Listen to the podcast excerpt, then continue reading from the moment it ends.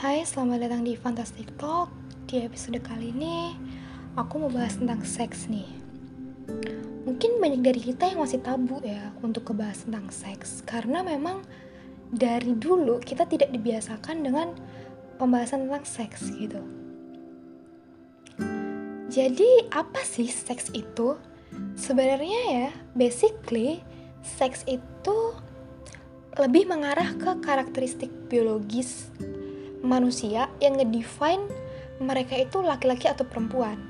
Tapi dalam beberapa bahasa akhirnya seks ini lebih banyak diartikan sebagai aktivitas seksual yang paling sering uh, di diartikan sebagai penis in vagina seks gitu.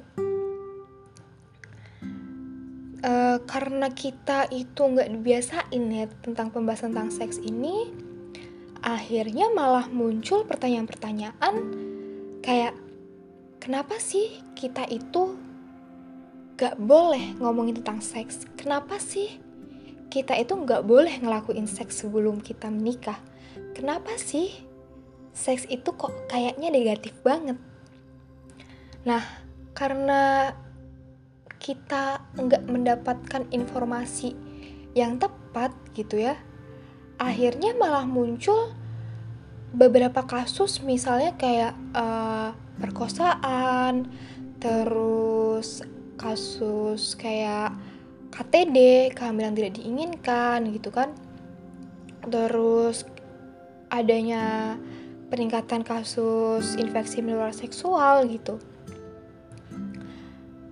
kasus-kasus uh, ini itu bisa muncul karena mungkin uh, karena kita itu nggak dapet informasi tentang seks yang mana akhirnya ngebuat kita itu jadi penasaran gitu kan.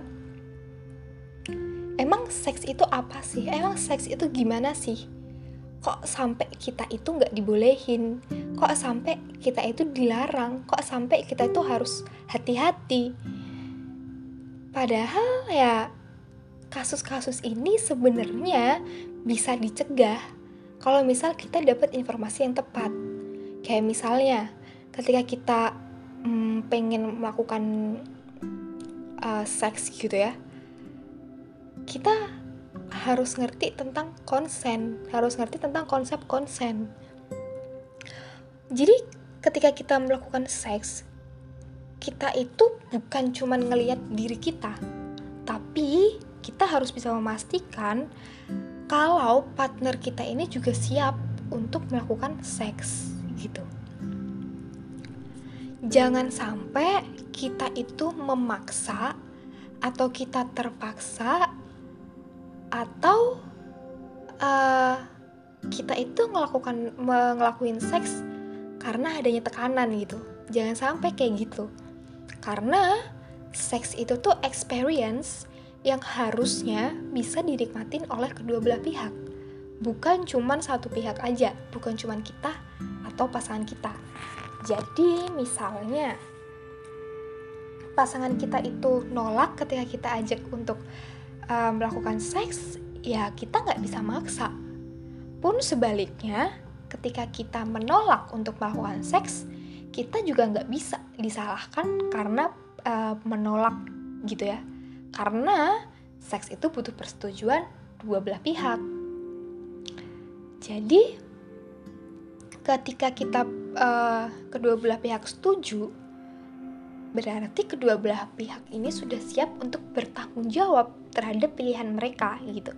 Karena ketika kita melakukan seks akan selalu ada resiko-resiko yang mungkin muncul gitu kan.